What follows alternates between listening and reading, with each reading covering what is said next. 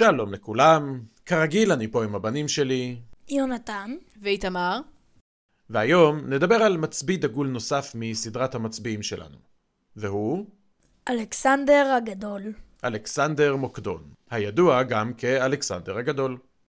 לפני שנתחיל, נזכיר למאזינים ולמאזינות שלנו את ערוץ היוטיוב שלנו, הסקרנים פודקאסט, אליו אנחנו מעלים מעת לעת את הפרקים שהקלטנו, גם בפורמט סרט למי שמעוניין גם לצפות, ולא רק להאזין. אז פתיח קצר, ומתחילים.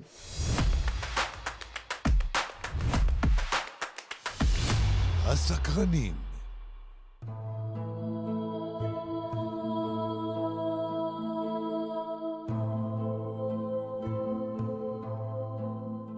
את הסיפור שלנו היום נתחיל ביוון. יוון שלפני 2500 שנים הייתה מרכז עולמי לתרבות, אומנות ועליונות צבאית. יוון לא הייתה מדינה אחת אלא סדרה של ערי מדינה, בה כל עיר ניהלה את עצמה. שתי הערים המרכזיות של אותן השנים היו אתונה, מעצמה ימית ומקום הולדת הדמוקרטיה והפילוסופיה, וספרטה, שהייתה מעצמה צבאית. בשנת 480 לפני הספירה חברו שתי הערים בניסיון לעצור את הפלישה של הצבא החזק בעולם, האימפריה הפרסית. באותה שנה, בקרב תרמופילאי, 300 לוחמים ספרטניים אמיצים בלמו במשך שלושה ימים שלמים את התקדמות הצבא הפרסי האדיר. במיצרי סלאמיס, הצי היווני הביס את חיל הים הפרסי, ובכך נמנעה פלישת פרס ליוון. את המלך הפרסי אגב אתם מכירים היטב. אני אתן לכם רמז מי זה היה. היוונים קראו לו קסרקסס, הפרסים קראו לו חשירש, אבל אנחנו מכירים אותו כ... אחשורוש. כאחשורוש. זה ממגילת אסתר וחג הפורים. במשך 150 השנים הבאות, יוון ראתה גם הצלחה ושגשוג, אבל גם מלחמה פנימית בין ערי המדינה השונות. המריבות הפנימיות האלו אפשרו בשקט לכוח חדש מצפון להתעצם. לאורך השנים היוונים התייחסו למדינה הצפונית מקדוניה או מוקדון בזלזול. הם ראו בהם אנשים נחותים וטיפשים, אבל תחת הנהגתו של פיליפוס השני, הם הפכו למעצמה צבאית שאין לזלזל בה. באמצעות בריתות צבאיות חכמות, הוא כבש את מרבית יוון, וחלקים מטורקיה של היום, והפך לשליט של מה שכונה הברית ההלנית. רק ספרטה נשארה מנגד. פיליפוס החל במקביל לתכנן את הגשמת חלומו לכבוש את האימפריה הפרסית, שכמעט וכבשה את יוון, 150 שנים קודם לכן. פיליפוס זיהה כי האימפריה הפרסית הוותיקה נחלשת, ואוצרותיה הגדולים ממתינים לכובש חדש. אבל לפני שהוא הספיק לפתוח במערכה נגד פרס, פיליפוס נרצח על ידי שומר הראש שלו.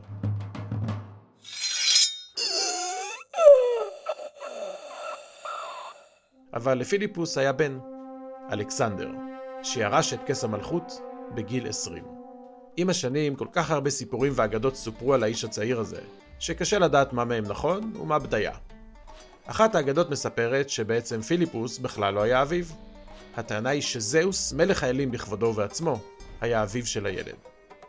סיפור נוסף היה שכשאלכסנדר היה בן עשר, חבר של אביו קנה עבורו סוס פראי שאף גבר לא הצליח לאלף, בשם בוקפלוס. על פי הסיפור, הילד הצליח להכניע את הסוס שליווה אותו במסעות הכיבוש שלו מאותו היום. כשהוא היה בן 13, אביו שכר פילוסוף צעיר ולא מוכר, בשם אריסטו, להיות המורה של אלכסנדר. אז אריסטו נחשב לאחד הפילוסופים הגדולים של העת העתיקה. היה תלמידו של אפלטון הגדול. אריסטו לימד את אלכסנדר את רזי הפוליטיקה, הצבא, האומנות והמדע. בינינו, אם ללמוד ממישהו בשנת 343 לפני הספירה, אז רק מאריסטו. איך אתם חושבים שערי יוון קיבלו את המלך החדש בין ה-20 שלהם? נראה לי קצת בזלזול או קצת מוזר להם שצעיר הם אה, נכנס לשלטון. אז גל של מרידות החל בכל רחבי יוון, ואלכסנדר יצא למתקפה לבסס את שלטונו. אחת הערים המורדות, תבאי, סירבה להיכנע. אלכסנדר הטיל עליה מצור, ולבסוף החריב אותה, הרג את מרבית תושביה, ומכר את השאר כעבדים. כששאר ערי המדינה ראו את כוחו ואכזריותו, הם מיהרו להיכנע וקיבלו את האיש הצעיר כמלך.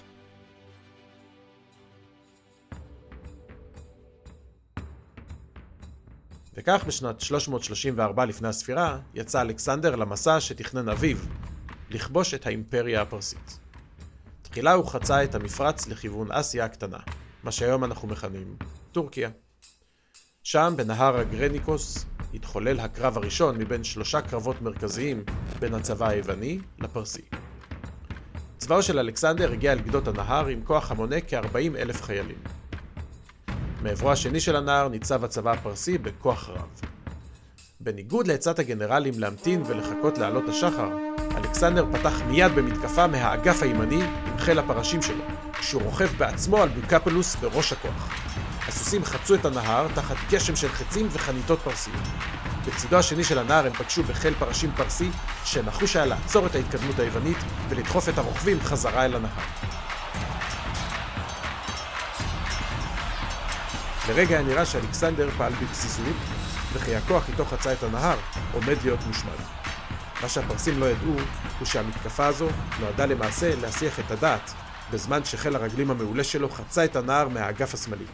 במהרה צבאו של אלכסנדר השמיד את הפרסים.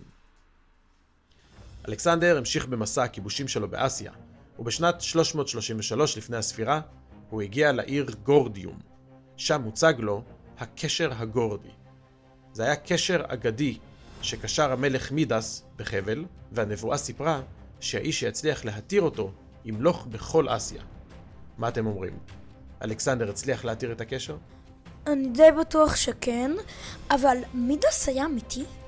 כן, יש עליו כמובן את האגדות במיתולוגיה שכל מה שהוא נגע בו הפך לזהב. אם אני זוכר נכון, אני זוכר שסיפרו לי שהוא שאב חרב וחצה אותו לשתיים. נכון מאוד, אלכסנדר בחר בדרך מקורית לפתור את הבעיה. במקום לנסות ולפרום את הקשר, פשוט שלף את חרבו וחתך את החבל הקשור. מי המלך אסיה? בואו נראה. משם מתקדם אלכסנדר עם צבאו לעבר סוריה. שם מצפון, באיסוס, פתאום מגיח הצבא הפרסי העצום, שבראשו המלך דריווש השלישי בעצמו ובכבודו.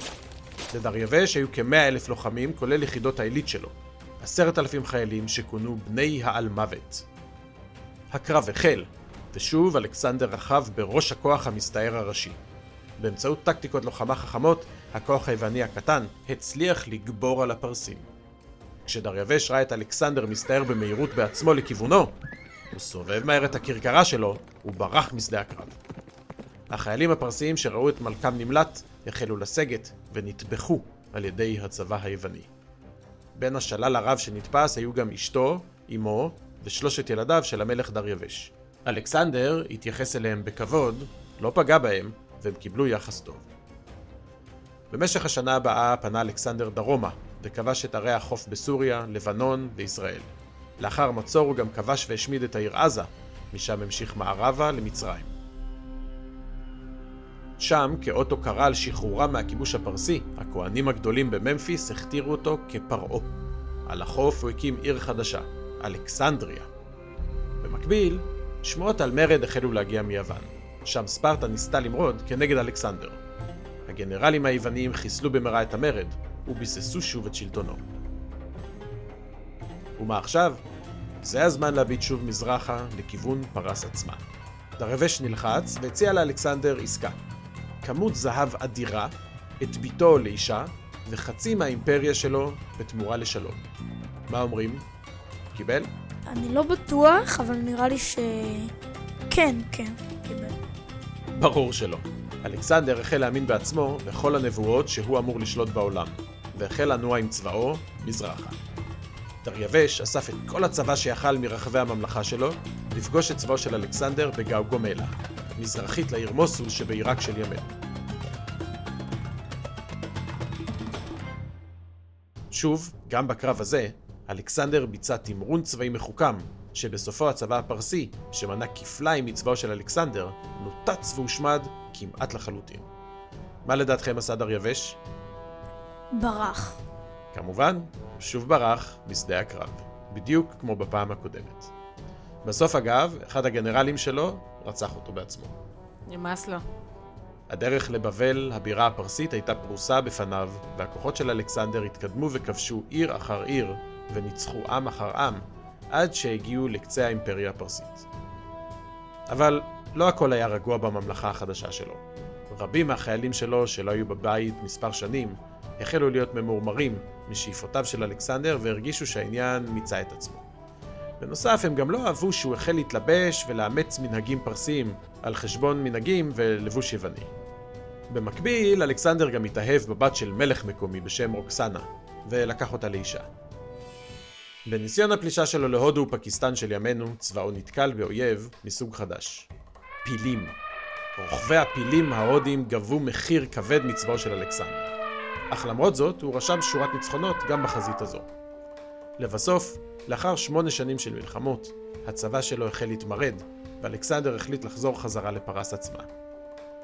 בעוד הוא מתכנן את הפלישה הבאה שלו לחצי האי ערב, חלה אלכסנדר, עלה לו החום, והוא נפטר ימים ספורים לאחר מכן, בשנת 323 לפני הספירה, בגיל 32 בלבד. סיבת מותו מעולם לא התגלתה. האם הוא חלה במלאריה, בטיפוס, או אולי בעצם הוא בכלל הורעל? לעולם לא נדע כי ארון הקבורה המוזהב שלו נחטף בדרכו למקדוניה, הגיע לאלכסנדריה במצרים, ואז נעלמו עקבותיו. ההישגים הצבאיים של המצביא הצעיר בזמן קצר כל כך היו מדהימים, והביאו לעולם תקופה של כמעט 300 שנים, בה רעיונות יווניים התפרסו ברחבי העולם, במה שנקרא התקופה ההלניסטית. ושוב אנחנו בעצם רואים איך אדם אחד, שאפתן, למעשה משנה את העולם. ראינו את זה בפודקאסטים שלנו על קולומבוס, על צ'ינגיס האן, וכמובן, נפוליאון בונפרטה. אז מה אתם אומרים על אלכסנדר הגדול? הוא בהחלט היה גדול. היה שאפתן הצליח להגיע למטרות שלו. אמ, הוא כבש הרבה מאוד אה, שטחים, ארצות. מה שמעניין זה שגם באימפריה שהקים אלכסנדר הגדול, בדומה לאימפריה של צ'ינגס האן, או לאימפריות האחרות שנתקלנו בהן, גם היא לא האריכה ימים, כי ברגע שהוא מת, החלו קרבות פנימיים בין היורשים שלו, והאימפריה הגדולה התפצלה לעוד ועוד חלקים, והכוח שלהם הלך והצטמצם, עד שלא הרבה זמן אחרי זה, עלתה ממערב אימפריה חדשה, עוצמתית, ומתקדמת אף יותר, והיא האימפריה הרומית. אוקיי, אז עד כאן להיום. אנחנו שוב נזכיר למאזינים ולמאזינות שלנו לעשות לנו לייק או סאב, או גם וגם, ואם נהניתם, תמליצו. תודה רבה לכם. ביי. ביי. שלום לכולם.